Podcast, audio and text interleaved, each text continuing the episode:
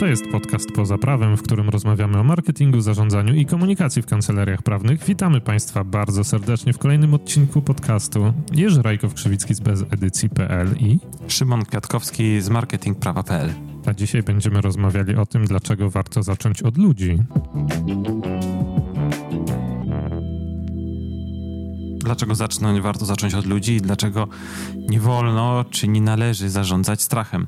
A naszym gościem w dzisiejszym odcinku jest Michał Kibil, partner zarządzający z kancelarii Kibil Wieczorek, wspólnicy z... Partner zarządzający, czy źle powiedziałem? Dobrze, bardzo dobrze. Partner zarządzający Kibil y, Wieczorek i wspólnicy. I nasi uważni słuchacze przypomną sobie, że mm, Michał pojawił się u nas w podcaście w odcinku numer 21, w którym rozmawialiśmy y, o tym, jak legal tech i blockchain zabierają biznes kancelariom prawnym, więc więc do tej pory na razie blockchain i legal tech nie zabrały biznesu, bo Michał jeszcze z nami jest. Ale już wtedy mówiłem, że on nie zabierze, że będziemy trwali, tylko musimy z niego korzystać. I faktycznie to, co powiedziałem, się sprawdza. Ja myślę, że nawet y, uważni słuchacze zauważą, że kiedyś było kibil, a teraz jest kibil i wieczorek, więc to może nawet oznaczać, że nie dość, że ten blockchain i legal tech nie zabrały, a wręcz nawet jeżeli ktoś się zainteresuje blockchainem i legal techem, to, to trochę szybko się rozwija, nie? Łączy się, rozwija się, rośnie w siłę. Michał, powiedz, o co chodzi z tym zarządzaniem strachem? Zrób proszę y, wstęp i, mm, i, i wytłumacz naszym gościom, y, czym leży sedno naszego dzisiejszego odcinka. Nie wiem, czy powinniśmy mówić o zarządzaniu strachem, czy raczej zarządzaniem przez strach. Okay. Generalnie jest wiele stylów zarządzania. Te style zarządzania od wielu, wielu lat e, są pogłębiane. E, nauka stara się wyodrębniać nowe. E, Daniel Goldman kiedyś wyodrębnił sześć odrębnych stylów zarządzania. I z mojego doświadczenia nie ma jednego dobrego stylu zarządzania. Okay. Aczkolwiek jest jeden, którego nie lubię. I to jest styl autorytatywny. To mhm. jest styl nakazowy, to jest styl, w którym e, staramy się zarządzać przez strach. A on jest najbardziej efektywny, najbardziej nakierowany na cel, ale ma według mnie przynajmniej, e, bardzo dużo wad, e, poprzez które może wyniszczać zespół i bardzo często wyniszcza. Mhm. To, co obserwuję na przestrzeni ostatnich lat, to to, że e, mamy bardzo wielu szefów, menadżerów, którzy faktycznie menadżerami nie są którzy są menedżerami dlatego, że mają określoną pozycję i nie radzą sobie z tą odpowiedzialną rolą, mhm. kto, która jest przed nimi postawiona. Wynika to z wielu elementów, często chyba najczęściej z tego, że nie uczą się tego, jak być dobrymi menedżerami i chcąc być menedżerami, zostają tylko szefami. Okej. Okay. Ja zastanawiam się, zastanawiam się z czego wynika to, że menadżerowie, myślę, że nie tylko w Polsce, chociaż no my obracamy się tutaj w polskim poletku, y, zarządzają w taki sposób, o jakim ty mówisz, czyli przez strach. I y, czytając sobie różne książki, czy przygotowując się do tego odcinka, zauważyłem, że ci menadżerowie chyba, którzy wyrośli na początku lat 90., czy budowali swoje biznesy na początku lat 90., po prostu nie mieli okazji, szansy nauczyć się innej, innej formy zarządzania i po prostu tak im to weszło w krew i tak zaczęli zarządzać swoim biznesem i, i, i, tak uczą swoich y, podwładnych menadżerów i po prostu się to kręci. Na pewno nie generalizowałbym.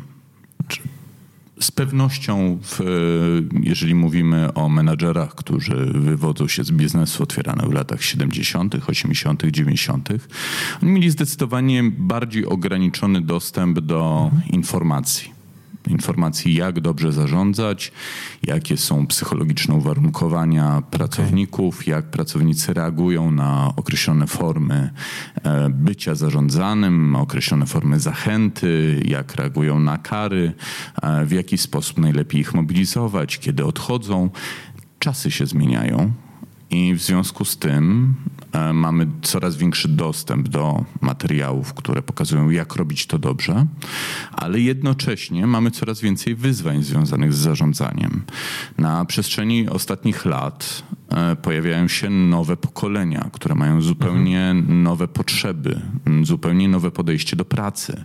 E, pokolenia, które wcale nie są gorsze, one są inne inaczej myślą, inaczej podchodzą do pracy, są bardziej skupione na własnych potrzebach e, i to jest wyzwanie ze strony menadżera, żeby nimi dobrze zarządzać.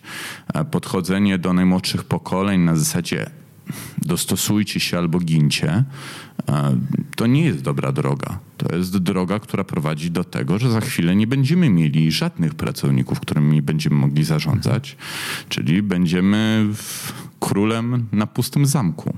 Tak. Ja tu jeszcze mam taką swoją obserwację osobistą, że e, no nawet jeżeli w tych latach 90. ci menedżerowie faktycznie nie mieli takiego dostępu do wiedzy i jakiś tam wtedy był trochę inny w ogóle mm, świat wokół nas, jeśli chodzi o pracę, jeśli chodzi o te relacje, które tam w tej pracy mogą istnieć i wzorce jakieś nawet społeczne, no to hello, od 1990 do dzisiaj to już tak prawie 30 lat minęło, tak? I no, świat się tak. zmienia, nowe pokolenia przychodzą, to co zresztą Michał zauważył i mm, e, no, no, i co? No, no, no, i po pierwsze dostęp do wiedzy jest zupełnie inny, a po drugie też e, wydaje mi się, że nawet ci ludzie, którzy wtedy, mm, nie wiem, zaczęli się zajmować zarządzaniem, już do dzisiaj mogliby sobie tę wiedzę uzupełnić. I uzupełniają i pracują, tylko znowu odsetek tych, którzy widzą, że że bycie e, menadżerem to jest nie ciągła praca nad zespołem, tylko ciągła praca nad sobą. Tak. Jak być lepszym menadżerem, jak lepiej zarządzać, jak lepiej rozumieć potrzeby zespołu, w jaki sposób odpowiadać na te potrzeby zespołu, nadal jest relatywnie relatywnie mało. Ja kiedyś od swojego ojca do, usłyszałem na samym początku swojej kariery, że szefów jest wielu, menedżerami są tylko nieliczni. Mhm. Ja się z tym zgadzam. Rzeczywiście tak jest. Czy szefem można być z nadania? Poprzez to, że awansuje się w hierarchii i nagle zostaje się szefem, e, który ma pod sobą zespół. Ale czy to czyni z nas menadżera? Nie.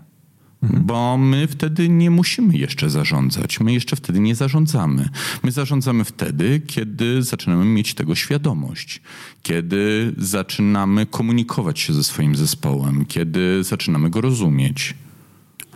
Właśnie, bo jeszcze jest takie trzecie pojęcie, ty mówisz o szefach, e, o menedżerach i jeszcze ostatnio na LinkedInie na przestrzeni ostatnich powiedzmy trzech lat się pojawiło jeszcze porównanie, e, że ktoś może być szefem, może być menedżerem albo może być liderem. Okej, okay, okej. Okay. Znaczy dla mnie y, menadżer musi być liderem. Znaczy, dobry menadżer to lider, a, a lider to menadżer. Więc ja te zwroty utożsamiam. Może z tego powodu, że sam dążę do tego, żeby być liderem i poprzez bycie liderem chcę być dobrym menadżerem. A dla ciebie co to znaczy być liderem?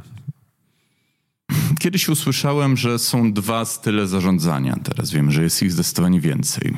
Jeden to jest e, jak w wojsku, jak generał e, idzie przed swoim e, zespołem, przed swoimi żołnierzami, biegnie na wroga z karabinem w ręku, a drugi to jest ten sam generał, który stoi za tymi żołnierzami, też z tym karabinem i strzela do tych, którzy się cofają. To lider to jest w tym pierwszym wypadku. Okay.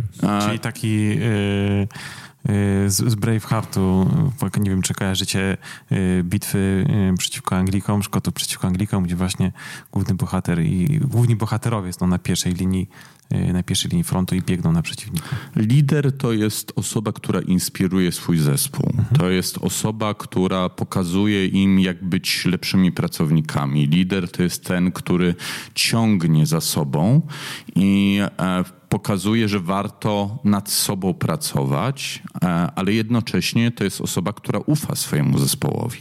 I to zaufanie jest dla mnie kluczowym elementem, który odróżnia systemy zarządzania pracownikami. E, ten system, o którym mówiliśmy na samym początku, który opiera się na zarządzaniu przez strach, wyklucza zaufanie. To jest system poleceń, e, które mają być wykonywane. Jeżeli nie zostaną wykonywane, to jest kara jak zostaną wykonane, to jest nagroda, najczęściej pieniężna. Ale pytanie, czy to są te nagrody, których pracownicy tak naprawdę potrzebują, żeby Tak. się rozwijać. Ja w ogóle mam wrażenie, że w ostatnich czasach to właśnie no, po, poza tym, że nowe pokolenia trafiają na rynek pracy i po prostu trzeba się z nimi liczyć i z tym, jak oni widzą świat, no to też, że te właśnie nagrody pieniężne coraz mniej zaczynają działać, w sensie takim, że, że, że ludziom się, jakby to powiedzieć, na akcenty życiowe też przestawiają w trochę inne miejsca, co jest zresztą odpowiedzią na, na, na te ostatnie powiedzmy 30 lat no, ewolucji naszego rynku pracy i, i w ogóle ewolucji świata.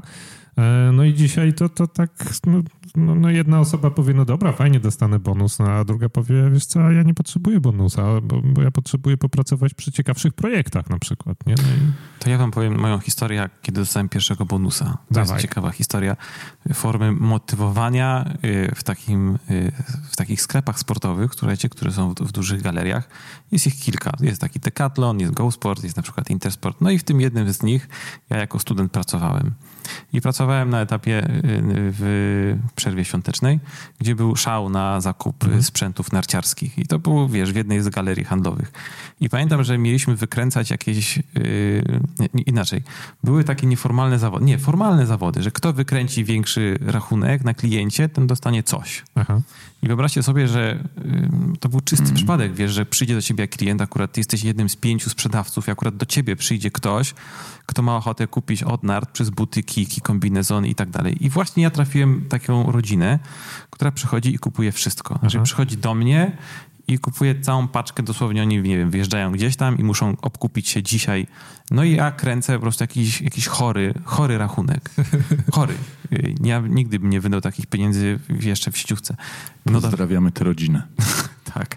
Pamiętam, że to było, przyszło dwóch braci z rodzinami swoimi. Dobra, nieważne. Słuchajcie, no i przychodzi koniec miesiąca i rzeczywiście ten mój rachunek na moim dziale jest największy. I, przy, i wiesz, i, i, i jest ten forma tej nagrody teraz, że ja mam dostać nagrodę. I dostaję, uwaga, co dostaję? Batona. Nie, dostaję y, bony po 100 zł, na 100 zł do Leroy Merlin. Słuchajcie, ja wtedy... Ale, ale nie wiem, czy, czy już wiesz, że właśnie się zdradziłeś, w jakim sklepie pracowałem. Nie, tych bonów było tam od cholery w różnych, w różnych, wiesz, w różnych sklepach i, i yy, to było dla mnie takie absurdalne, bo z jednej strony ja tu wykręciłem rachunek, który miał tam, nie wiem, z 4 zera przynajmniej, Aha. a z drugiej strony ja dostaję bon do, do Leroy Merlin. Yy, Leroy- Merlin jest, jest sklepem budowniczym. W ogóle co ja mam robić, Nie będąc wiem, może- studentem, no. Może łazienkę remontujesz, potrzebujesz kafelek. Ale to ja bym zadał ci inne pytanie. no. Czy twój szef, twój menadżer, Mhm. po tym jak wykręciłeś ten niebotycznie wielki rachunek, przyszedł do ciebie i powiedział: Szymon, rewelacyjna robota. Super. Nie, nie, nie, nie pamiętam tego. Nie pamiętam. Dlatego Ja nie pamiętam- pamiętasz, że pewnie tego nie było. I to jest właśnie ten Mhm. problem w kontekście przyznawania bonusów. A my bardzo szybko się Mhm. przyzwyczajamy do gratyfikacji finansowych. Nawet traktujemy te gratyfikacje jako element taki must be, że jak Mhm. już dostaliśmy pierwszy, drugi, trzeci, czwarty raz, to to jest element naszego wynagrodzenia. Tylko tak jak słusznie było powiedziane, E, Czy naprawdę nas to mobilizuje? Czy naprawdę nas to związuje z tym pracodawcą? No pewnie gdyby ciebie związał ten bon na do Leroy taki drobny product placement, e, na 100 zł, to dzisiaj byś nie nagrywał tej audycji, tylko dalej e, osiągał kolejne szczeble kariery w tym sklepie. No to było niemożliwe w tym sklepie, bo widziałem, kto jest, znaczy widziałem jaka jest ścieżka, że możesz dojść jako dyrektor jednego sklepu, a potem jest już, yy, już dalej ro- rozwoju nie ma. Yy, Więc słuchajcie, ja tam pracowałem może właśnie 4 czy 5 miesięcy i potem, potem Leroy Merlin powiedziałem, że kurde, tutaj, to, to była fajna praca na studenta, na czas Aha. studenta. Nie? I, i, i, stwierdziłeś, że zostaniesz prawnikiem. Yy, chyba tak, bo to był jakiś drugi czy trzeci rok, wiesz, studiów, studiów prawa, tak pi razy drzwi. Pamiętam to dobrze, po prostu tam ten etap motywacji w postaci dostania czegoś takiego, takiego no, czystego motywatora pieniężnego, który ostatecznie był śmieszny w porównaniu z tym, jaki rachunek wykręciłem, ile ten człowiek zostawił nas pieniędzy i braku proporcjonalności. Yy, Oczywiście to nie było motywowanie przez strach, to było motywowanie, motywowanie poprzez konkurencję, bo ktoś, No tak, wiesz, albo przez też jakąś taką, jak gdyby źle rozumianą chyba konkurencję, no bo po pierwsze, czy, czy przed w ogóle przystąpieniem do tego wyścigu wiedziałeś o co grasz? Kurczę, tego już nie pamiętam. No to już nie chcę, wiesz... Yy, na pewno wiedziałem, że będą jakieś nagrody, czy może bon, czy to miał być bony na coś tam, czy wiesz... I teraz coś... pytanie z drugiej strony. Co było z tymi, którzy tego wyniku nie wykręcili? Czy, czy tam się nie pojawiają komunikaty w postaci sorry guys, ale no, robicie kiepskie wyniki. A tutaj Szymon, zobaczcie, a wy... Mm -mm, to, to nie w tym kierunku, to jeżeli się nie poprawicie, to niestety będziemy musieli się pożegnać. I to jest ten element zarządzania przez strach, nakierowany stricte na cel, bo wy dostaliście cel konkretny cel, który mieliście zrealizować i zaczęliście wyścig pomiędzy sobą o to, kto najszybciej osiągnie ten cel i jak wysoko. Jeszcze, jeszcze o tyle był tu problem, że w takim sklepie, wiecie, są, są, różne działy, tak? Ja akurat sprzedawałem sprzęt narciarsko-snowboardowy, więc do zasady taki droższy, no nie? Właśnie, jeżeli ja bym sprzedawał klapki na basen... A byli ludzie, którzy sprzedawali tylko ubrania. No to ile kombinezonów sprzedasz, żeby wykręcić czterozerowy wynik? Ale był też kolega, który następnego miesiąca przebił mnie w ogóle, wiesz, na łeb na szyję, bo on sprzedawał bieżnie. I wiesz, wow. wiesz, bieżnie jakieś y, maszyny po prostu do ćwiczeń. Przed gość kulturysta, który robił sobie prywatną, prywatną y, siłownię w domu zostawił. i on, wiesz, zostawił x razy więcej niż ja tam wykręciłem. Znaczy, I, mi to się bardzo w tej historii podoba to, że już pomijam, że właśnie nie, nie możemy ustalić, czy ty wiedziałeś, o co grasz, czy nie. Nie, nie pamiętam. To jeszcze, to jeszcze y, dodatkowo właśnie, czy ty masz wrażenie, że miałeś wpływ na to faktycznie, czy ty ten wynik wykręcisz, czy nie? Nie, nie miałem, bo wyobraź sobie, że zobacz, zobacz sobie, co się dzieje. Ja tam pracowałem od listopada, czy tam od października do początku roku, jakoś tak. Już tych dat nie pamiętam dokładnie, gdzie był szał na rzeczy sportowe zimowe.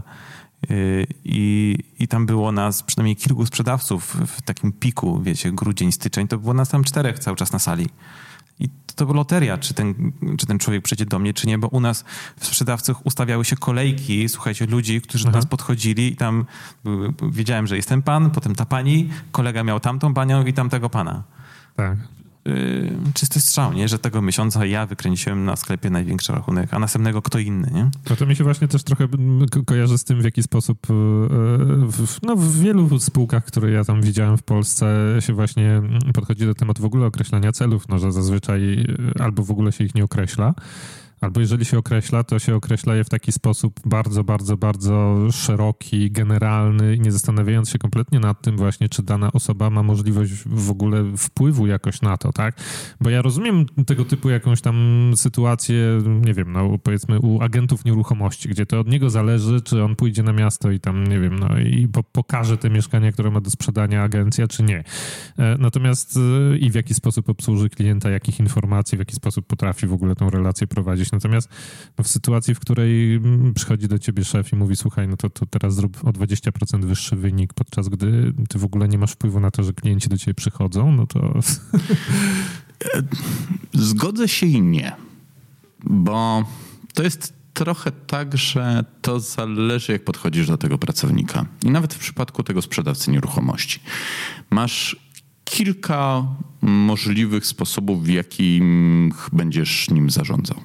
Możesz wyznaczać mu cele, mówić to teraz w każdym kolejnym tygodniu masz przynieść mi 20% więcej klientów. Nie interesuje mnie, jak to zrobisz.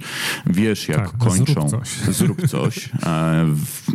E, przy, nie wiem, e, nie interesuje mnie, jak to zrobisz, kiedy to zrobisz, ile będziesz spał, jak będą wyglądały twoje relacje rodzinne. Jeżeli nie, nie dowieziesz tego, to się pożegnamy. Jak dowieziesz, to dostaniesz bonus. I to jest taki klasyczny system nakazowy, w którym człowiek mhm. nie wykazuje się żadną kreatywnością, nie, że nie wykazuje się żadną innowacyjnością. On ma wyznaczony cel, on go realizuje i w zależności od tego, jaką ma mentalność swojego menadżera, to albo może bardziej dostawać po głowie e, za to, że nie dowozi, bo menadżera nie interesuje to, dlaczego nie dowiózł, co się wydarzyło, e, albo e, może dostawać mniej po głowie. Możesz tym sprzedawcą zarządzać zupełnie inaczej. Możesz patrzeć, w jaki sposób on prosperuje, zobaczyć, ok, ten chłopak mniej sprzedaje, podejść do tego chłopaka i zapytać się, ok, ja widzę twoje wyniki sprzedaży. Widzę, że one są niższe niż e, w zespole. Powiedz mi proszę, Dlaczego tak się dzieje? Znaczy, co, e, jakie masz problemy? To jest taki styl trochę mentorski, znaczy podejścia no do tak. E, pracownika i próby odpowiedzi na jego indywidualne pytania.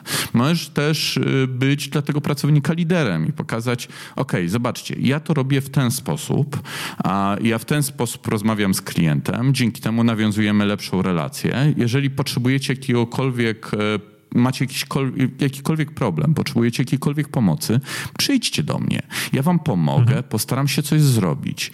Możesz y, też zupełnie w dwóch różnych kierunkach prowadzić z tym e, człowiekiem komunikację. Zamiast prowadzić komunikację, po raz kolejny nie dowiozłeś wyniku i jesteś koszmarnym pracownikiem. Nie jestem w stanie z tobą współpracować. Dlaczego nie jesteś w stanie dokładnie tego samego komunikatu przekazać? Wiesz co? Bardzo mi się podoba to, to, to i to u ciebie, ale to, to i to mógłbyś robić lepiej. No powiedzcie mi, że gdy, gdyby przyszedł do was wuj, wasz szef i powiedział wam, a bardzo mi się podoba to, co robisz, ale to możesz robić lepiej. Czy to nie brzmi lepiej niż e, te rzeczy robisz fatalnie, a to musisz poprawić? Nie, no wiadomo, że brzmi lepiej. No problem polega na tym, że... E ja tu mam wrażenie, że to trochę się wszystko rozbija o jakieś wierzenia ludzi właśnie, którzy są na stanowiskach menedżerskich, że niektórzy po prostu wierzą w to, że w ten sposób nie można zarządzać ludźmi. To jest jedno, a jeszcze dodam do, do tego, co ty Jerzy powiedziałeś, że y, menedżerowie, a ja mam kontakt z prawnikami przede wszystkim, y, występują z pozycji siły. To znaczy, przynajmniej niedawno miałem taką sytuację, że y, partner kancelarii mówił mi, że słuchaj, ja nie mogę tak mówić do mojego zespołu, bo to umniejsza, moją, umniejsza mojej pozycji w kancelarii. No nie, ale ja myślę, że właśnie, że to już jest, że tu już w tym momencie usłyszałeś wierzenie, tak? Że są ludzie, którzy tak. myślą, że bez bata się nie da, są ludzie, którzy myślą, że jeżeli powiedzą komuś, kto jest jego pracownikiem, mm. słuchaj, jak mogę ci pomóc? Widzę, że tutaj walczysz z czymś, yy, chciałbym ci pomóc, jak mogę to zrobić? Yy, no to, że to automatycznie zdejmuje ich z tej pozycji dyrektora, menedżera, partnera w kancelarii czy coś tam i to, to już jest moim zdaniem właśnie z zakresu wierzeń, że jedni w to wierzą i drudzy w to nie wierzą. No i w latach 70. czy tam 80. było ciężko sprawdzić tak naprawdę, która z tych dróg w danym zawodzie jest dobra, która nie jest, no bo nie było internetu, nie było możliwości właśnie sobie, nie wiem, posłuchania podcastu i zobaczenia, jak robią to prawnicy z drugiej strony globu na przykład, tak? Czy menedżerowie z innej kompletnie branży i zaszczepić tego w naszych firmach tutaj lokalnie, czy jakoś w, w tym przedsiębiorstwie, w którym pracujemy. No dzisiaj już to można zrobić, tak? No i nawet jeżeli komuś się pewne rzeczy nie mieszczą w głowie, no to może wziąć te rzeczy, powiedzieć, no dobra, no to zakwestionujmy trochę to, w co ja wierzę. Wydaje mi się, że przestanę być dobrym partnerem kancelarii, w kancelarii, jeżeli będę robił tak. No to zobaczmy, ile osób już na świecie spróbowało. Tylko to jest... to nie jest kwestia chyba wiary. To jest chyba kwestia braku świadomości. Absolutnie moim ukochanym stwierdzeniem jest, jeżeli będę okazywał słabość względem swoich pracowników, to stracę autorytet. Tak. Tylko my tego autorytetu nigdy nie zbudowaliśmy. Autorytet nie buduje się przez pozycję siły. Ani przez napis na wizytówce. Ani nie? przez napis na wizytówce, ani napis na drzwiach, ani przez e, stwierdzenie: To ja jestem waszym szefem, macie się mnie słuchać. Autorytet buduje się przez słuchanie ludzi, przez komunikowanie się z nimi, przez budowanie relacji partnerskiej, przez zaufanie, że ich nie skrzywdzimy. Autorytet buduje się przez to, że sukces to jest sukces zespołu, a porażka to jest porażka menadżera. W ten sposób zespół ma poczucie bezpieczeństwa, ma poczucie tego, że ich e, menadżer ich wesprze, że ich menadżer, jak przy budowie chińskiego muru, nie będzie ich batował za wszystko, e, co zrobią, tylko w sytuacji kryzysowej stanie z nimi w jednej linii. To jest zbudowanie autorytetu i to jest podstawa leadershipu. I jeżeli ktoś uważa, że e, on okazując ludziom, otwierając się przed ludźmi, straci ich autorytet, to znaczy, że nie ma bladego pojęcia, co to jest autorytet i jak się go buduje. Albo nie ma bladego pojęcia, albo został tak nauczony, wiesz, wcześniej i po prostu nie zmienił swojego swojej wiedzy przez czas trwania mm, swojej kariery biznesowej. Szymon, tylko jak, jak się rodzimy, jesteśmy y, jak kartka papieru. Jesteśmy zapisywani nowymi informacjami, a i te informacje mogą być też nadpisane. Tylko pierwszym krokiem jest zdanie sobie sprawy z tego, że może nie jestem idealny może mógłbym coś zrobić lepiej. Ja codziennie, jak się budzę, mam poczucie, że mogę być lepszym menadżerem, powinienem nad sobą pracować, że jeszcze bardzo, bardzo długa droga przede mną, mhm. że to wymaga nauki, wymaga rozmowy z moim zespołem. E, zastanawiam się, gdzie są te obszary, które mogę poprawić. Jeżeli wyjdziemy z punktu widzenia, e, że możemy coś zrobić lepiej, to później możemy sobie rozpisać plan, jak do tego dojść.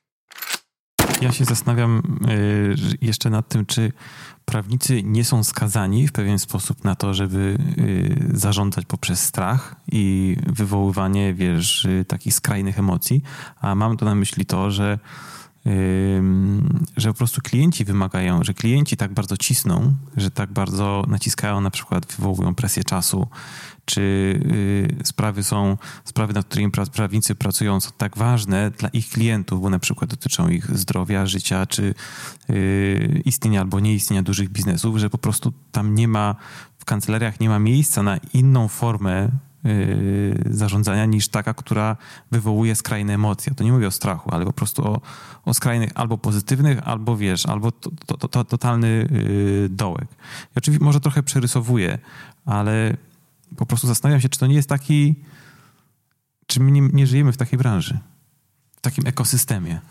Według mnie w żadnym wypadku nie. Znaczy, nie możemy próbować sobie wmawiać, że jeżeli mamy cele do realizacji, to jedynym sposobem do ich osiągnięcia jest y, zajechanie swojego zespołu, zastraszenie swojego zespołu i doprowadzenie, żeby zachowywał się jak marionetki w naszych rękach. Oczywiście możemy być master of puppets, tylko to jest bardzo krótkoterminowe. Styl zarządzania, o którym mówimy od samego początku, tak, według badań jest najbardziej efektywny, jeżeli chodzi o realizację celów, ale jest też najbardziej krótkoterminowy. Czy jeżeli tym samym pracownikom za chwilę damy zadania, które wymagają kreatywności, innowacyjności, to oni sobie z tym nie poradzą. Co więcej, okay. ten styl jest najbardziej narażany na efekt wąskiego gardła, bo wszystkie informacje, sprawdzanie wszystkich prac kumuluje się w jednej osobie. Tylko dlatego, że ona nie ma zaufania do swojego zespołu. A dlaczego nie ma zaufania do swojego zespołu? Bo oparła styl zarządzania na tym, tak. że będzie ten zespół non-stop kontrolowała, weryfikowała, co będzie powodowało u pracowników poczucie, że nikt im nie ufa, że oni się nie rozwijają, a to już jest bardzo krótka droga do mobbingu. No po pierwsze, a po drugie też to jednak mimo wszystko skraca mm, jak gdyby możliwość y, dłuższego przebywania utalentowanych y, jednostek okay. w takim zespole, tak? No bo jeżeli ktoś oczekuje jednak, jeżeli ktoś siebie w ogóle traktuje poważnie zawodowo, tak mi się wydaje, i, i oczekuje tego, y, że po jakimś tam czasie dostosowania się do organizacji zacznie dostawać ambitne zlecenia, zacznie dostawać rzeczy, które wymagają właśnie jakiegoś, mm, no, no, no, no, no jakiejś kreatywności, zastanowienia się, wymyślenia jakiegoś problemu, znaczy rozwiązania problemu, to w momencie, kiedy, kiedy, kiedy zastosowany zostanie do nich jak gdyby styl zarządzania taki, w którym oni się będą czuli wymiennym trybem, no to zasadniczo no, no nie zagrzeją długo miejsca, mając tego typu ambicje tak, w takim zespole. I, I, wydaje mi się, że to jest to, co się ostatnio dzieje w ogóle na rynku pracy, że, e, że coraz bardziej zaczyna się liczyć to, jak bardzo mamy osoby jak gdyby kreatywne w zespołach, jak bardzo mamy możliwość rozwiązywania problemów poprzez umiejętną współpracę i jednocześnie zauważanie pewnych rzeczy i dobrą dobrą komunikację i takie tak zwane soft skille, że to, że się umie pewne rzeczy zrobić mm, jak gdyby zawodowo, że się ma pewne umiejętności twarde, to jest jakieś pewne takie zerowe wymaganie, ale potem na to jeszcze muszą być inne rzeczy nałożone i że to sprawia, że, że w pewien sposób ten, ten świat relacji w pracy i w ogóle budowania zespołów się trochę zmienia, nie? Ostatnio bardzo popularny jest... E, podchodzenie do nowego stylu zarządzania organizacjami. e, coraz częściej promuje się e, tak zwane przedsiębiorstwa samoorganizujące się. One wychodzą z założenia, że nie ma czegoś takiego jak stała struktura hierarchiczna, bo ona z samego założenia i funkcjonowania jest błędna. Ona jest mało elastyczna, ona opiera się na szefach, niekoniecznie menadżerach, niekoniecznie liderach. Mhm. Przedsiębiorstwa samoorganizujące się, o których zresztą prowadzimy długie dyskusje ze swoją żoną, która zajmuje się komunikacją i uważa, że to jest przyszłość. Zgadzam się z nią. Oparte są na e, założeniu e, braku jednej konkretnej struktury hierarchicznej w organizacji i tworzenia mikrozespołów, w których, to ciekawe, w każdym z nich wyłania się lider lider tego Taki zespołu. Naturalny. Naturalny lider. Natural born leader. I to jest osoba, która ma w sobie cechy do tego, żeby tym liderem być organizacja takich liderów powinna wyłapywać, pogłębiać ich umiejętności, porozwijać ten leadership, pokazywać, że oni mogą być e, tym korem organizacji. Dla mnie, jeżeli chodzi o systemy zarządzania, najlepszym, co można stworzyć, to system wartości w kancelarii. Mhm. System wartości, który jest zdecydowanie głębszy niż tylko system zasad. Systemy zasad y, są najprostszym e, elementem wiążącym organizację. Jeżeli organizacja jest związana wartościami i wszyscy te wartości wspólnie reprezentujemy, to ludzie są w stanie za nimi podążać, są w stanie iść w tym samym kierunku, a nie czuć się jako ktoś, kto jest zupełnie poza tą organizacją. Ja jako kancelaria mam marzenie, że jako reprezentant kancelarii, jako partner Aha. kancelarii a mam marzenie, żeby w ciągu półtora roku stać się takim przedsiębiorstwem samoorganizującym się, mhm, mhm. stać się turkusową organizacją, a zobaczyć, czy w, e, kancelaria prawna może być zarządzana w oderwaniu od struktur. E, już dzisiaj w swoim zespole widzę ludzi, którzy przejawiają talent do zarządzania projektami, e, mają talent do bycia liderami, na których inni się wzorują, niezależnie od tego, na jakim poziomie ktoś jest. Mhm, mhm. Są pracownicy, którzy liderami nie chcą być i tak, nie mają tak, takiej potrzeby. Tak, tak, tak, ale za to są absolutnie fenomenalni merytorycznie e, i w tych małych grupkach projektowych byliby wspaniałym supportem merytorycznym dla każdego zespołu. Zresztą też do poszczególnych projektów przez poszczególne osoby zawsze chętnie są angażowani, bo ludzie im ufają. Ufają temu, jak oni pracują. E, I takich ludzi też w organizacji trzeba mieć, więc nie można mieć samych liderów. Tak. Poczekaj, poczekaj, bo czy nie uważasz, że to trochę jest tak, że jak się ma jakąś tam kancelarię liczącą sobie kilkanaście osób, może dwadzieścia, może trzydzieści, no to spoko, to można się bawić w takie obserwowanie tego, jak działa zespół, można się zastanawiać nad tym właśnie, kto ma jakie predyspozycje, tworzyć organizacje właśnie samo, znaczy zespoły samoorganizujące się, no bo mimo wszystko jednak to jest jeszcze taka ilość ludzi, że, że, że, że wszystkich znamy, że jesteśmy w stanie właśnie zauważać y, te talenty. A teraz wyobraźmy sobie, że struktura liczy sobie 2000 osób. I co? Przedsiębiorstwa samoorganizujące się są tworzone na kanwie i małych, i bardzo dużych firm. I to już się dzieje. To nie jest y, nasz wytwór wyobraźni, tylko to jest coś, co pojawia się w krajach skandynawskich, na zachodzie, w Stanach, jest wdrażane do firm jako forma lepszego zarządzania przedsiębiorstwem. E, naturalnie powyżej 16 osób kancelaria przestaje mieć taki bardzo rodzinny, osobisty charakter. Nie widzimy się już z każdym każdego dnia. Te relacje zaczynają się delikatnie rozmywać. Ale to jest właśnie rola liderów w tej kancelarii, żeby w tych zespołach, których są, samodzielnie byli w stanie wychwytywać te talenty, żeby byli w stanie je rozwijać. To jest rola e, partnerów, którzy już zarządzają mniejszymi zespołami niż 200, 1000 osób. No. E, rola dyrektorów, rola menadżerów. To właśnie wyznacza to, e, że jest się menadżerem. Ma się zespół, za który jest się odpowiedzialnym. Nie tylko odpowiedzialnym za to, żeby dostarczyć im pracy, żeby było stać na ich zatrudnianie, ale odpowiedzialnym za ich rozwój, odpowiedzialnym teraz jako prawnik będę bluźnił, za ich work-life balance. Oj tam.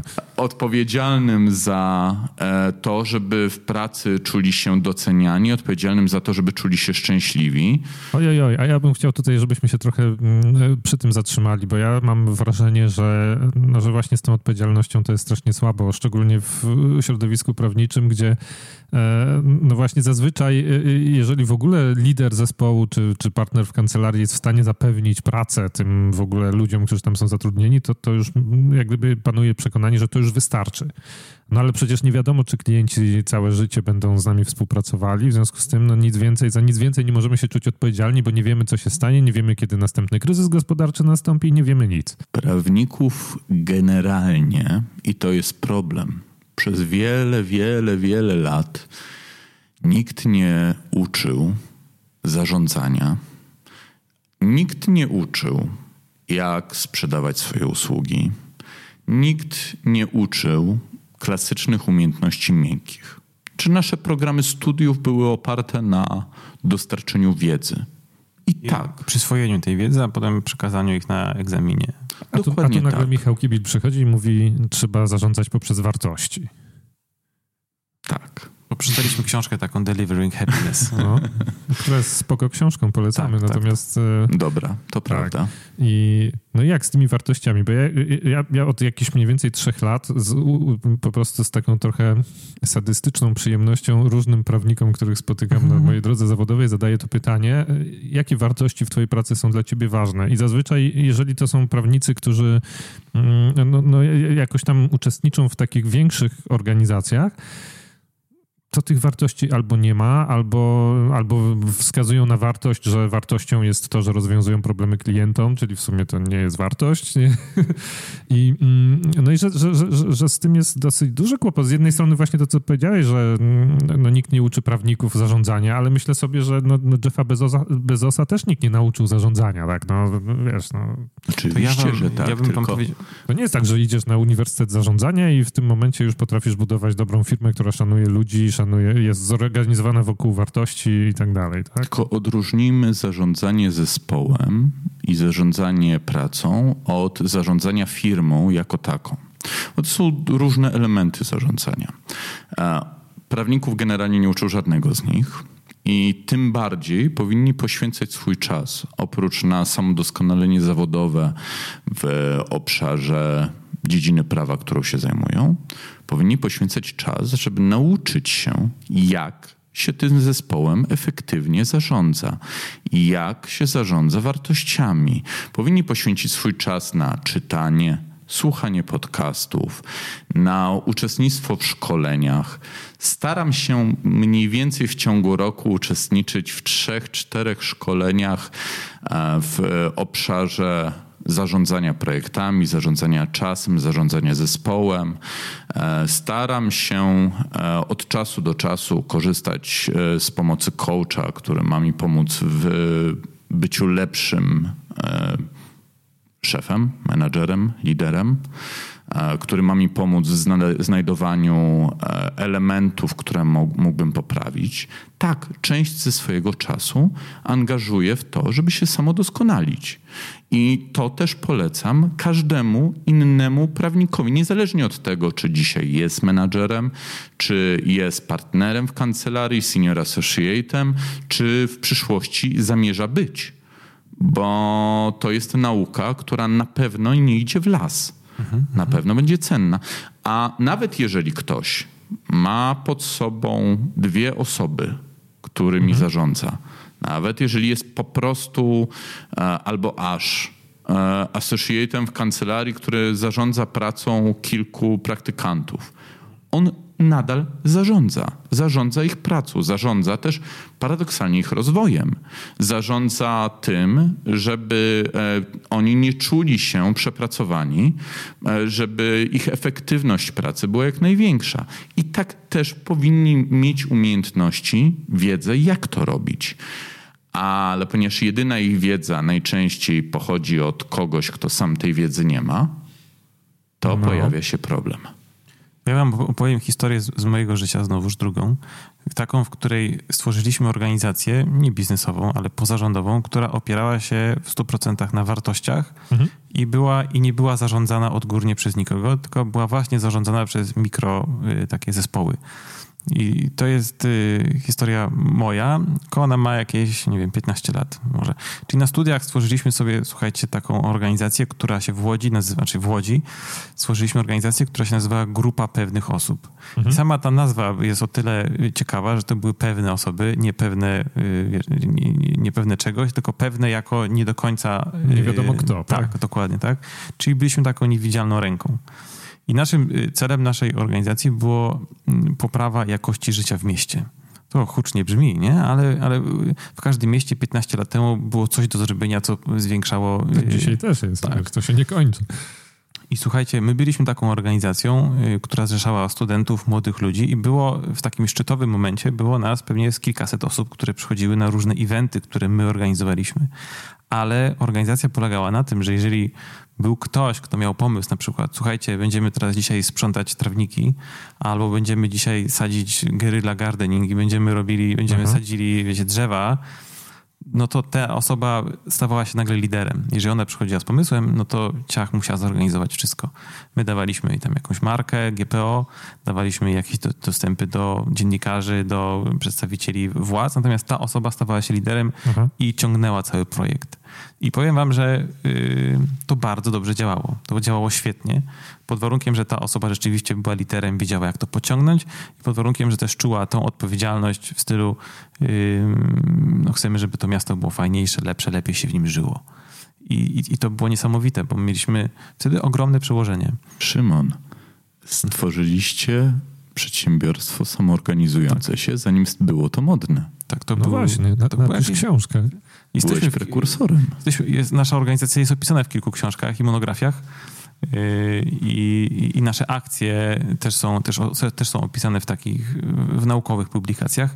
Jeśli sobie wrzucicie, yy, drodzy słuchacze, yy, w, w Google'a grupa pewnych osób, to możecie zobaczyć Szymona, który lata po, po mieście i tam, nie wiem, i sprząta ulicę, no bo tak rzeczywiście, rzeczywiście było. I nie tylko mnie, bo ja byłem współtwórcą tej organizacji, a, a osób, liderów było kilku, a chwilami kilkunastu. Y, ale przełożenie było bardzo, bardzo silne, y, w stylu też przełożenie na, na politykę i na to. I, I, tak naprawdę w tym momencie, kiedy doszliśmy do polityki, to nam się rozjechały w ogóle. Y, rozjechało się, bo się zajęliśmy, zajęliście się swoimi rodzinami, czy się rozjechało, bo nie chcieliście się pakować w politykę? Zaczęliśmy być rozgrywani przez, trochę przez polityków, bo mieliśmy ogromne przełożenie na media, które uwielbiały wszystkie nasze akcje, bo one były mhm. happeningowe na przykład, co robiliśmy? Wybieraliśmy sobie y, jakiś trawnik, który trzeba było zrewitalizować. Dziwnym trafem ten trawnik był naprzeciwko y, mieszkania dyrektora, który zarządzał zieleniami w mieście. Kurde, how come? Nie, nie, nie robiliście tego specjalnie? Co? Nie, zupełnie wypadek, że to był ten trawnik.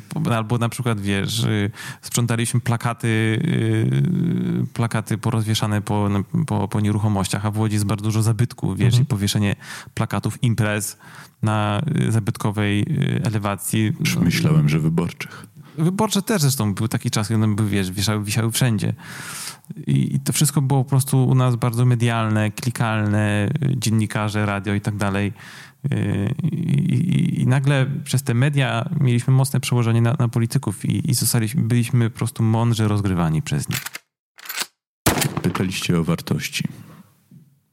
Kancelaria, którą budujemy, razem ze swoim zespołem jest oparta na wartościach. No.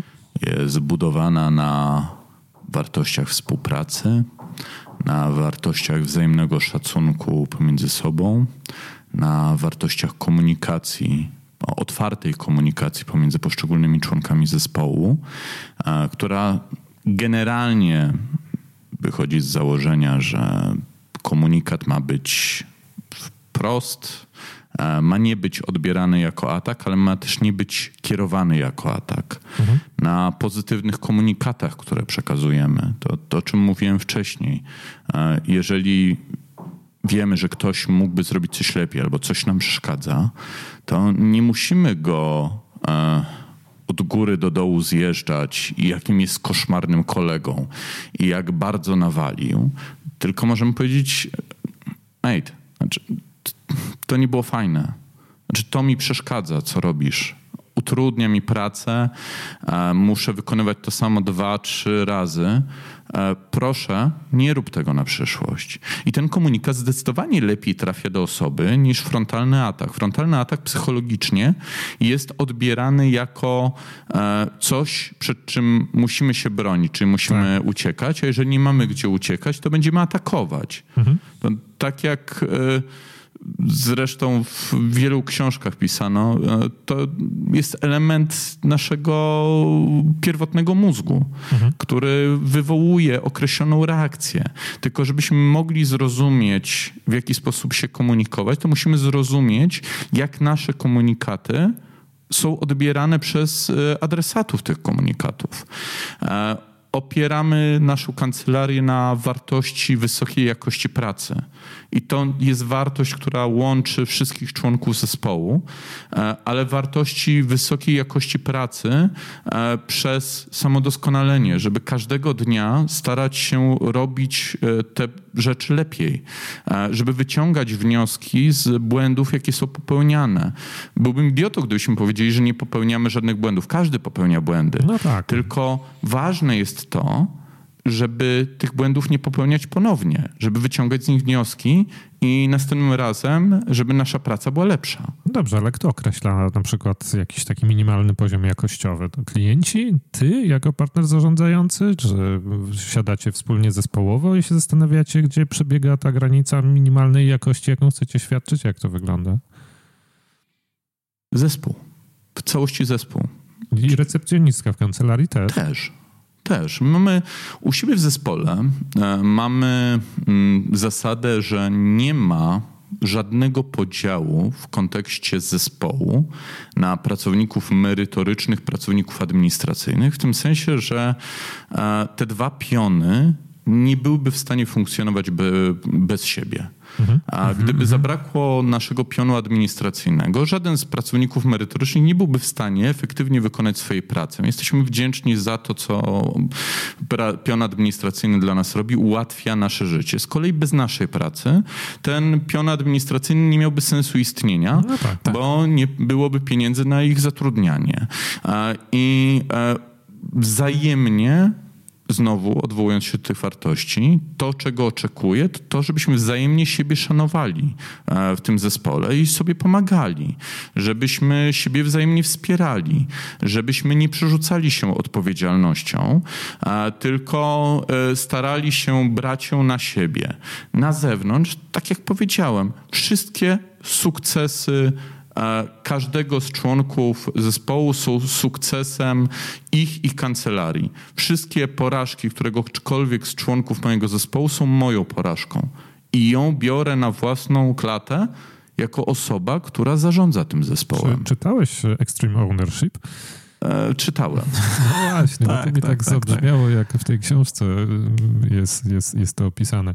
Mm, e, Ale jest... akurat nie z tego wyciągałem. Okay. E, to jest coś takiego, mm, e, o co, co bym chciał trochę pociągnąć, bo to jest taka w ogóle, e, mam wrażenie, filozofia i styl funkcjonowania, który jest trochę obcy w kancelariach, a może mam wrażenie, że on jest obcy w tych trochę większych kancelariach, gdzie no, no istnieje dosyć mocny podział pomiędzy pracownikami merytorycznymi, którzy przynoszą pieniądze, a tymi pracownikami administracji, którzy z zasady raczej są księgowo traktowani jak koszt. Nie? I to na wielu poziomach czuć i widać i no chociaż w sumie jest tak, jak to opisałeś, tak? No, czyli firma jest jedna i w sumie jedni bez drugich by nie mogli istnieć i w drugą stronę to też mhm. działa. Ale jak tak sobie patrzymy, tak sobie ciebie słucham, to powiedz mi, czy jesteś w stanie sobie wyobrazić na przykład, że za, nie wiem, 10 lat w twojej kancelarii partnerem w tej kancelarii będzie recepcjonistka? Tak. To byłby, wiesz, to byłoby, tak. to byłoby mega. Powiem, powiem nawet więcej.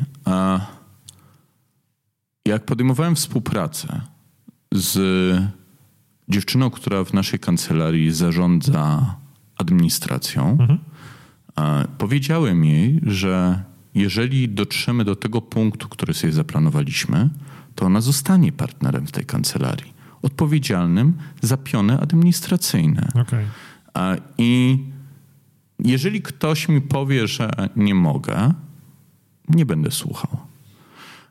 To jest coś, na co trzeba sobie zasłużyć swoją pracą. Mhm, mhm ale nie widzę powodu, żadnego powodu, dla którego osoba, która zajmuje się administracją i bierze na siebie ciężar i odpowiedzialność, with great power comes great responsibility, no właśnie. jak powiedział klasyk, e, miałaby być ograniczana w dostępie do bycia w gronie e, partnerów. Już dzisiaj nasze spotkania partnerskie są e, organizowane z e, jej udziałem.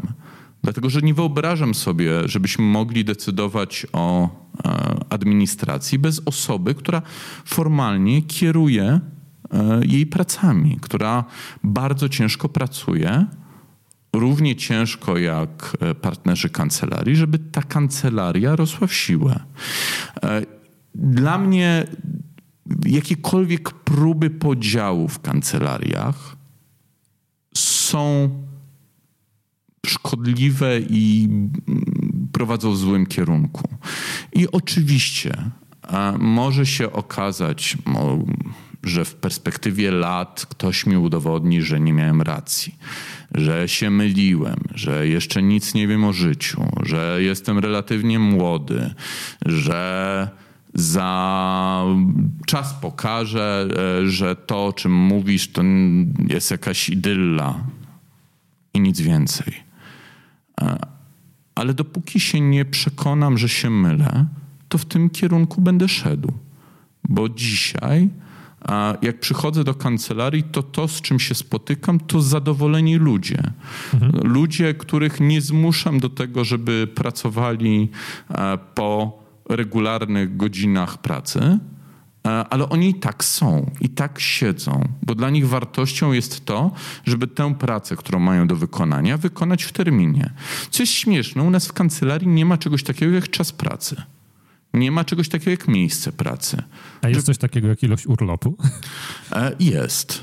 No to dobrze. Jest, y, ale nawet w, trochę w drugą stronę. To znaczy, y, ja zakładam, że ludzie muszą mieć prawo do tego, żeby odpoczywać, żeby pracować efektywnie. To, z czego staramy się rozliczać, to faktycznie z pracy, która jest wykonywana mhm. i e, tego, czy podążamy ze swoimi wartościami, to znaczy, czy właśnie jest wykonywana w, e, terminowo, czy jest wykonywana dobrze. E, to, z czym ja walczę od paru miesięcy, to to, żeby jak najwięcej rzeczy delegować z siebie, mhm. bo widzę, i to jest niestety problem, że w niektórych sytuacjach staje się wąskim gardłem. To znaczy, mój zespół działa niesamowicie efektywnie, e, a mnie e, brak czasu.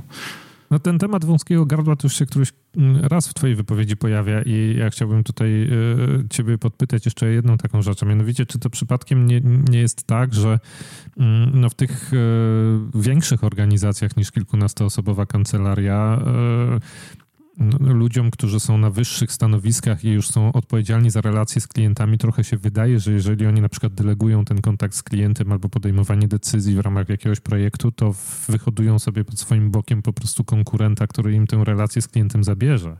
Albo zabierze im tego klienta po prostu i weźmie kawałek zespołu i pójdzie gdzie indziej i takie, wiesz, myślenie pod tytułem, że jeżeli opiszesz na przykład jakąś, nie wiem, metodę rozwiązania problemu biznesowego, no to ktoś za chwilę, prawda, ci to zabierze, bo to opisałeś online, nie? No to tu tak samo, nie? Pracujesz z kimś, komuś oddelegujesz kawałek tej relacji z klientem i za chwilę to już nie będziesz ty w tej relacji z klientem, tylko ta osoba. Parę miesięcy temu powiedziałem swojemu zespołowi, że jeżeli za te dwa, trzy, cztery lata ktoś z zespołu mi powie, że mm, ma lepszy pomysł na zarządzanie kancelarią niż ja, feel free, ustąpię. Jeżeli znajdę kogoś, kto jest lepszym partnerem zarządzającym, niech zarządza. Bo wartością jest to, żeby ta kancelaria rosła w siłę, a nie żebym ja rósł w siłę. Powiedziałem też y, zespołowi, że to, o czym marzę, to to, żeby inne kancelarie próbowały mi w perspektywie lat podkradać pracowników.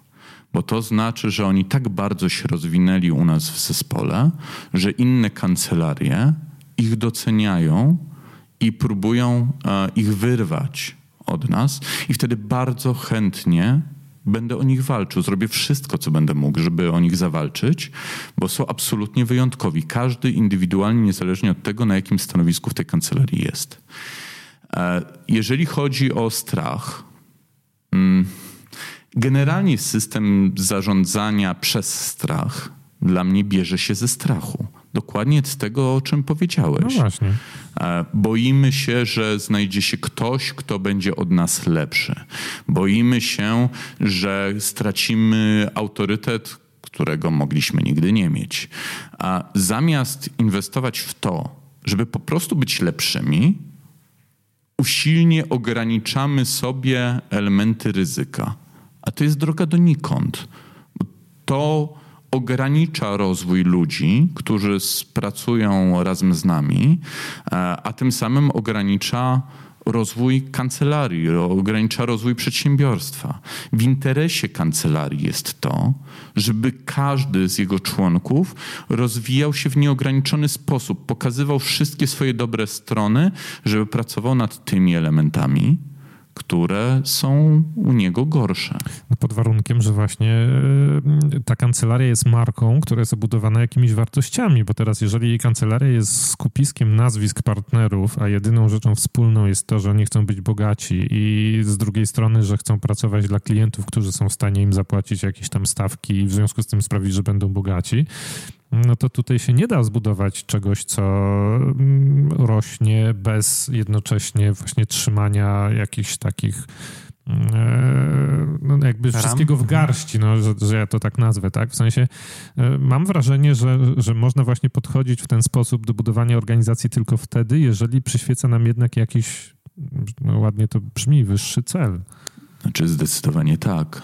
Ktoś mądry kiedyś mi powiedział, że pieniądze nigdy nie powinny być moim celem, że są środkiem do realizacji celów, zdecydowanie tak, ale nie powinny być nigdy celem. Ja się z tym zgadzam. Dla mnie pieniądze nie są celem. Dla mnie pieniądze, dla mnie celem dzisiaj jest to, żeby zrealizować swoje marzenie o stworzeniu trochę innej kancelarii, trochę inaczej myślącej, trochę inaczej zarządzanej, e, takiej, która będzie e, miała wszystkie dobre cechy, które wyciągnąłem ze wszystkich innych kancelarii, miejsc pracy, w których pracowałem, która nie będzie powtarzała błędów e, ludzi, z którymi się spotykałem, niektórych błędów, której ludzie będą się cieszyli, że do niej przychodzą i nie będą musieli iść na pół roku zwolnienia lekarskiego, bo będą przemęczeni, zastraszeni, którym nie będą się trzęsły ręce na sam e, moment czy na samą myśl przyjścia do pracy, bo to nie jest wtedy pracownik, to jest niewolnik. I tak oczywiście można mieć farmę niewolników. Tylko. Yy, jak w pierwszej rewolucji przemysłowej. Mhm. Wtedy też mieliśmy e, ludzi, którzy jak się popsuli, to byli wyrzucani, a w zasadzie trafiali na cmentarz. No, dzisiaj pracodawcy nie mają takiego komfortu że generalnie mamy deficyt e, dobrych pracowników i powinniśmy o tych najlepszych walczyć. Powinniśmy starać się zbudować takie miejsce pracy, w którym wszyscy pracownicy, niezależnie od tego, e, z jakiego są pokolenia, będą czuć się komfortowo. To jest koszmarne wyzwanie. Y, ja się zastanawiam, mam, zapisałem sobie tutaj pytanie, które chciałem już zadać wcześniej, ale cały czas działamy wokół wartości, więc to pytanie teraz fajnie wpada. I wartości są stworzone w twojej głowie albo w, w głowie partnerów. I zastanawiam się, w jaki sposób y, delegować, czy pokazywać te wartości, czy tłumaczyć te wartości tym pracownikom, którzy są właśnie, wiesz, na samym dole, albo właśnie przyszli do pracy i muszą te wartości zrozumieć, wdrożyć je w swoją pracę. Jak to zrobić, żeby, wiesz, żeby tak kaskadowo ta wartość, czy ta wartość, którą ty rozumiesz w określony sposób, była tak samo rozumiana przez każdego pracownika w kancelarii? A to jest ciekawe pytanie. Mogę odpowiedzieć, jak my to zrobiliśmy. Mhm. Ostatnio mieliśmy spotkanie całego zespołu. Czy nie udało się całego zespołu, ale powiedzmy, że 12-14. I na tym spotkaniu jednym z elementów, które były istotne, oprócz tego, w jakim kierunku idziemy, co chcemy osiągnąć, były właśnie wartości. I przeszliśmy przez te wszystkie wartości, o których mówiłem. Informowałem, dlaczego dla mnie one są ważne, dlaczego są ważne dla ludzi, którzy je spisywali i dlaczego zależy nam na tym, żeby były respektowane. W jaki sposób te wartości rozumiemy i dlaczego one są wartościami. To też jest istotne, żeby ktoś zrozumiał. I wtedy zostały spisane. Wprowadziliśmy zasadę też, że każdy nowy pracownik, który przychodzi do nas do kancelarii, będzie miał swojego opiekuna. Opiekuna, którego zadaniem będzie chronić tego pracownika przez pierwszy miesiąc e, przed uwagami co do e, jego pracy e, i który ma go wprowadzać w życie w kancelarii który ma mu prezentować właśnie, jakie są wartości kancelarii, jakimi się kierujemy, który ma e, z nim pracować przez ten pierwszy miesiąc trochę częściej, chociażby raz w tygodniu, e, co ten pracownik mógłby robić lepiej, ale też który będzie mu mówił, zbierając informacje od zespołu, co robi dobrze, żeby wiedział, w jakim kierunku iść. I to jest dla mnie sposób, w jaki należy wdrażać pracowników do pracy w firmie, w jaki sposób należy im pokazywać. My tego typu spotkania e, w mniejszych bądź większych zespołach e, mamy dosyć często. E, ja osobiście staram się z każdym pracownikiem dzisiaj. E, za chwilę pewnie nie będzie to możliwe, więc ten, będzie to rozkładane pomiędzy poszczególnych partnerów. Spotykać się co najmniej raz w miesiącu na 15 minut, 30 minut, słuchać o tych rzeczach, które im przeszkadzają, e, odpowiadać na ich wątpliwości, ale też mówić, co mogą robić lepiej i co dzisiaj już robią dobrze, w jakim kierunku widzę ich rozwój rozwój. Staramy się zaplanować każdemu z pracowników e, ten rozwój w perspektywie najbliższych lat. Pokazywać, jak to będzie się kształtowało zarówno od strony finansowej, jak i od strony zawodowej, czego kiedy może się spodziewać, e, od czego jest to uzależnione. E, bo ta świadomość dla pracownika, ten, to poczucie bezpieczeństwa jest ważne. Poczucie bezpieczeństwa pojawia się też po raz kolejny w swojej wypowiedzi i ja chciałbym się spytać, czy mm, śpisz spokojnie w nocy, wiedząc, że jakby wziąłeś sobie na barki nie tylko odpowiedzialność jako partner zarządzający mm, e, za to, że ten biznes się będzie kręcił finansowo i że będą klienci, ale też to, że, że właśnie jesteś odpowiedzialny za ludzi, którzy tam pracują? To jest mm, pytanie. Za ich szczęście, za ich rodziny, wiesz, no za takie te szersze podejście. Kredyt do, hipoteczny, do, no, wiesz, leasing no, i tak dalej. To jest, to jest pytanie, które moglibyście zadawać każdemu twórcy startupów. No właśnie. My dzisiaj jesteśmy e, startupem prawniczym, ale w przeciwieństwie do 70% startupów przeżyliśmy pierwszy rok. E, nawet e, udało nam się osiągnąć te cele, które zamierzyliśmy. E, co więcej, przenosimy się do już własnego lokalu, większego, które też ma być niekonwencjonalne. Tak planujemy, żeby były tam podwieszane fotele, przynajmniej Super. w jednym pokoju. Tak, zjeżdżalnia, zjeżdżalnia. E, z tym możemy mieć problem e, ze względu na to, że tam jest sześć pięter w dół do poziomu ulicy e, no, i boję się, no, że konserwator zabytków też taka, mógłby zaprotestować. Taka, tak spirala. Taka spirala. Pomyślimy o tym. Przeniosę, pomyślimy o tym. Przenieśmy podcast do, do waszego biura. Słuchajcie, będziemy nagrywać was. Będziemy nagrywać ale zdecydowanie, zdecydowanie, jeżeli pytacie o komfort mojego snu, no. mm, i chyba jeszcze nie. To znaczy e, codziennie... Sypiasz dobrze. Znaczy jeszcze, jeszcze, jeszcze chyba nie, nie, sypiam dobrze Aha, okay. w tym sensie, że e, jeszcze nie dotarliśmy do tego punktu, w którym ja się będę czuł absolutnie komfortowo z, e, ze wszystkimi aspektami, o których mówicie, dlatego że to mhm. jest e, ten e, element rozwoju kancelarii. E, dzisiaj już czujemy się bezpiecznie, to znaczy jesteśmy stabilni, rozwijamy się, przeszliśmy z tej fazy, w której tylko się rozwijamy, do fazy, w której już jesteśmy stabilni i mhm. mamy plany, które nam pozwalają się utrzymywać. To jest też kwestia dosyć dużej świadomości, którą staramy się mieć w kontekście sprzedaży naszych usług profesjonalnych. E, nasz pipeline nie jest budowany tylko na miesiąc, on jest budowany na miesiąc, jest budowany na kwartał, jest budowany na pół roku, żebyśmy właśnie mieli świadomość, jakie mamy potencjalne przychody, a jakie mamy koszty. E, ten element budowania budżetu, pomimo tego, że jesteśmy małą kancelarią, jest dla nas ważny, bo to też zapewnia mi spokojny sen. E, kiedy będę spał w pełni spokojnie, e, prawdopodobnie wtedy, kiedy pójdę na emeryturę, e, bo wtedy już nie będę musiał się przejmować niczym, chociaż może to nastąpić dosyć późno, patrząc na moją mentalność. Wiemy, że nie, nie motywujemy strachem, ani nie wywołujemy tego strachu, żeby osiągnąć określone efekty. No to wobec tego jak, jak to robimy w inny sposób. Ja to trochę zrozumiałem Twoje wypowiedzi w taki sposób, że motywuję poprzez to, że oddaję Ci część, yy, część mojej kancelarii, część pracy, część odpowiedzialności i możesz ją wykorzystać do tego, żeby zrealizować siebie, zrealizować projekt. Yy, I powiedz mi, czy dobrze Cię zrozumiałem i czy chciałbyś, i co byś do tego dodał? może się trochę, źle zrozumiałem. Trochę. Ten, czy dobrze zrozumiałeś? Zdecydowanie dobrze zrozumiałeś.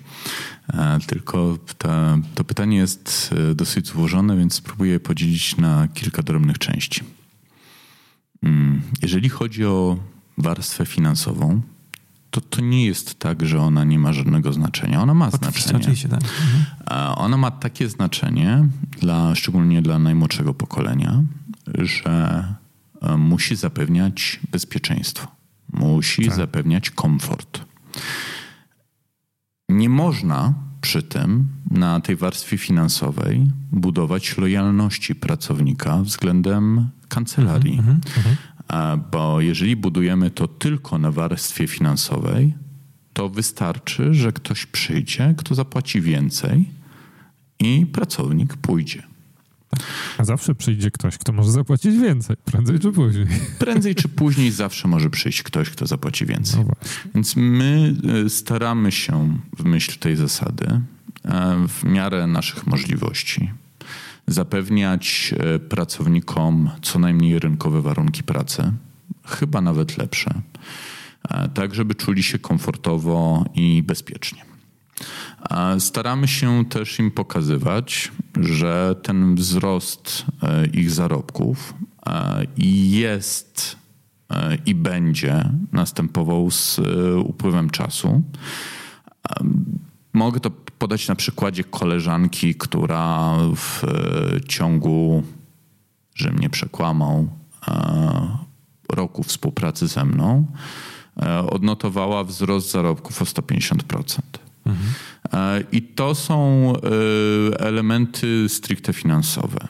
Tak, na pewno docenienie pracowników finansowo e, w formie bonusów, premii za ich intensywną pracę jest super, bo każdy z nas wracając do wcześniejszego tematu roli pieniądza, E, ma potrzeby, które jest w stanie spełnić tylko i wyłącznie posiadając pieniądze. No wiadomo, tak.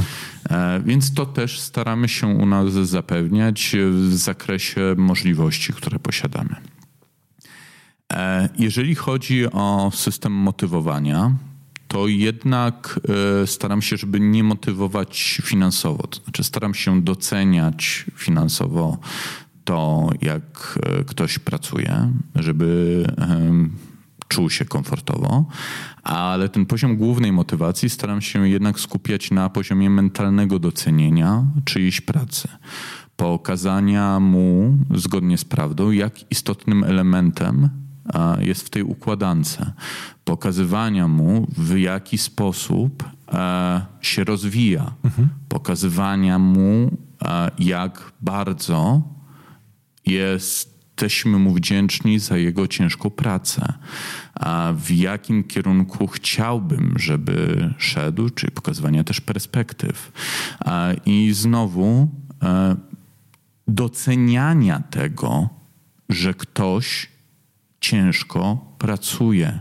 Nie tylko mówienia, co może robić lepiej, mhm, w wersji zarządzania nakazowego, co, co zepsuł i jak e, dużym Hmm, jest.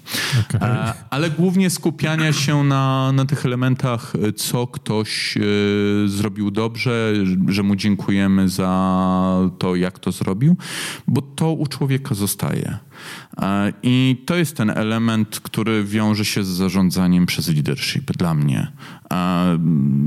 Pokazywania ludziom, że są wartością i że ich praca nie jest niezauważana i to też jest jeden z głównych grzechów kancelarii, które e, zarządzają poprzez strach.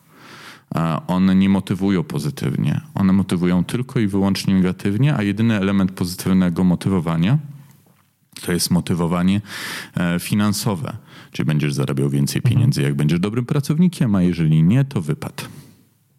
No ale to ja mam trochę wrażenie, właśnie miałem już nie zadawać pytań, ale jeszcze jedno mi się pojawiło, że E, że to, co opisujesz, to jest bardzo fajne, atrakcyjne e, w sytuacji takiej, jeżeli w procesie rozwoju biznesu i w tych wszystkich rekrutacjach, które gdzieś tam się pojawiły na przestrzeni rozwoju tego biznesu, trafiasz na ludzi, którzy jednak mimo wszystko jakoś tam pasują do tych wartości.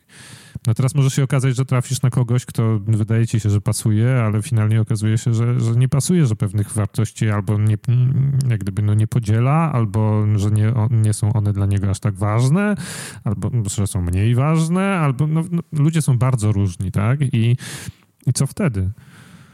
Może ja odpowiem. Znaczy, ja odpowiem dlatego, że odpowiem z książki, wiesz, Delivering Happiness, no. gdzie te wartości rzeczywiście tam są, są kluczowe w firmie Zapos i y, oni te wartości na, weryfikują na etapie rekrutacji. I z tego, co ja pamiętam z tej książki, y, proces rekrutacji jest tak zrobiony, żeby y, zniechęcić tych, którzy tych wartości nie wyznają i nie chcą się, nie chcą się z nimi identyfikować. Tak, tak przynajmniej tam pamiętam w tej książce jeden z prawników, z którymi współpracowałem, powiedział mi kiedyś, e, że jak rekrutuje ludzi, to rekrutuje ich ze względu na mentalność, a nie ich wiedzę. No. Bo wiedzę można zmienić, a zepsutej mentalności nigdy. E, albo będzie bardzo ciężko. To jest coś, czym też się kierujemy. To znaczy, szukając ludzi, którzy z nami będą współpracować, e,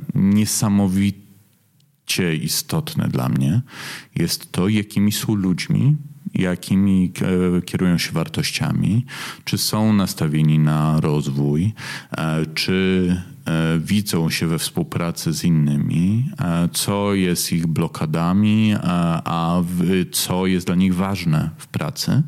Staram się ich słuchać. Znowu, słuchać to też jest kolejne słowo, które bym po tym podcaście sobie odnotował. Bardzo istotne i bardzo zapomniane. Mało słuchamy innych. E, I ich jesteśmy w stanie nauczyć wszystkiego, co wiemy ale wiemy, że kierują się tym samym obszarem. E, jeżeli ktoś w kancelarii nie respektuje naszych wartości, e, które sobie ustaliliśmy, E, to staram się jednak e, z nim porozmawiać e, na początku i znaleźć przyczynę, dlaczego tak się dzieje. Znaleźć przyczynę, dla której coś nie gra i starać się poprawić. Rozwiązanie umowy z pracownikiem dla mnie jest porażką, ale nie porażką pracownika, tylko moją własną. Bo to, to oznacza, że mm, to ja nie dałem rady jako menadżer odpowiednio zarządzić tym pracownikiem i poprawić e, tych braków, które zauważałem, e, albo pokazać mu, jak bardzo ważne są wartości, które budujemy w kancelarii. To nie jest wina pracownika, to nigdy nie jest wina pracownika. To jest wina złego zarządzania tym pracownikiem.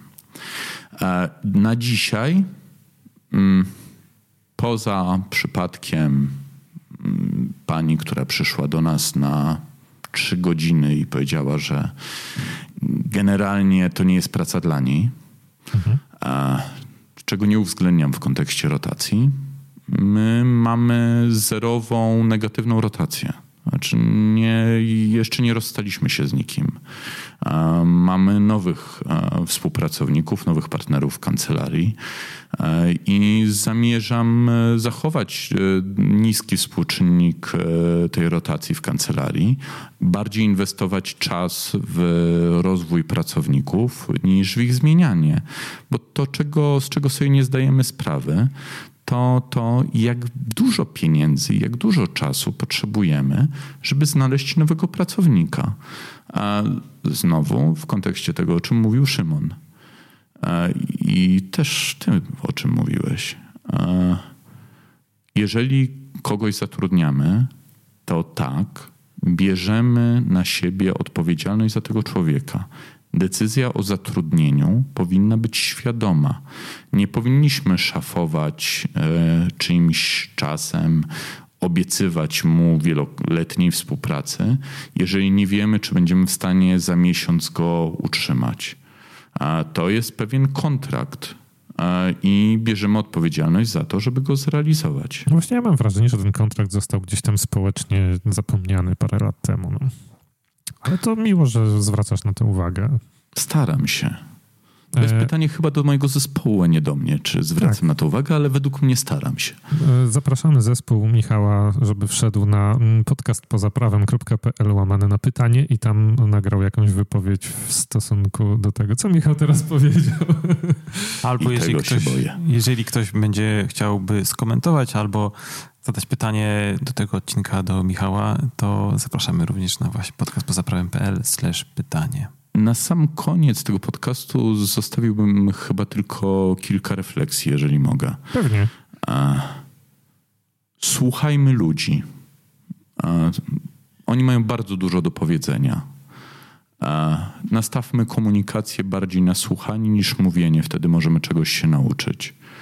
E, inwestujmy swój czas w naukę, jak być lepszymi menadżerami i stawajmy się liderami, bo za nimi idą ludzie, za do nich będą szli ludzie. E, a na tym nam zależy, jeżeli chcemy rozwijać swój biznes. E, unikajmy zarządzania przez strach, bo nawet jeżeli to jest bardzo efektywne, na samym początku i doprowadzi do realizacji celu, to jedyne efekty, do których możemy doprowadzić, to to, że sami będziemy bardzo obłożeni robotą, bo nie będziemy nikomu ufali, więc nie będziemy delegowali, więc będzie, nie będziemy spali po nocach, starając się samodzielnie wszystko wykonać a z drugiej strony nasi pracownicy nie będą mieli potrzeby po nawet krótkim czasie, żeby z nami współpracować. I im mamy młodsze pokolenia u siebie w zespołach, tym bardziej będą zniechęcani tym stylem zarządzania pracy. Zamiast tego starajmy się wyjść do nich też z dobrym słowem, powiedzieć, co robią dobrze, powiedzieć, co mogą robić lepiej. Wtedy a oni będą razem z nami budowali system wartości kancelarii i będą starali się, żeby ta kancelaria, którą zarządzamy, te zespoły, którymi zarządzamy, były jak najlepsze i osiągnęły absolutne szczyty. Dziękujemy bardzo. Nie wiem, jak ty, nie wiem jak ty, Jerzy, ja mam wrażenie, że dzisiejszym prowadzącym ten podcast był Michał Kibil. My byliśmy takim dodatkiem, który się Ja myślę sobie, że, że trochę umniejszasz naszą rolę, ale, e, ale w sumie jest bardzo dobrze. Michał, bardzo ci, bardzo ci dziękujemy za, mm, za obecność na, po raz drugi w naszym podcaście. Um, no i dziękujemy za wysłuchanie odcinka. Jerzy, Szymon, serdecznie dziękuję jak zawsze za zaproszenie. Mam nadzieję, że przez mój słowotok e, nie zaprzestaniecie zapraszania. E, potem jakie są statystyki, kto dotrwał do samego końca tak. odcinka i wysłuchał tego Powinniśmy coś powiedzieć takiego, co za, za miesiąc spytamy w social mediach. Sprawdzimy. I serde serdecznie dziękujemy również słuchaczom za uczestnictwo, słuchanie podcastu. Zapraszamy do kolejnych. Na razie.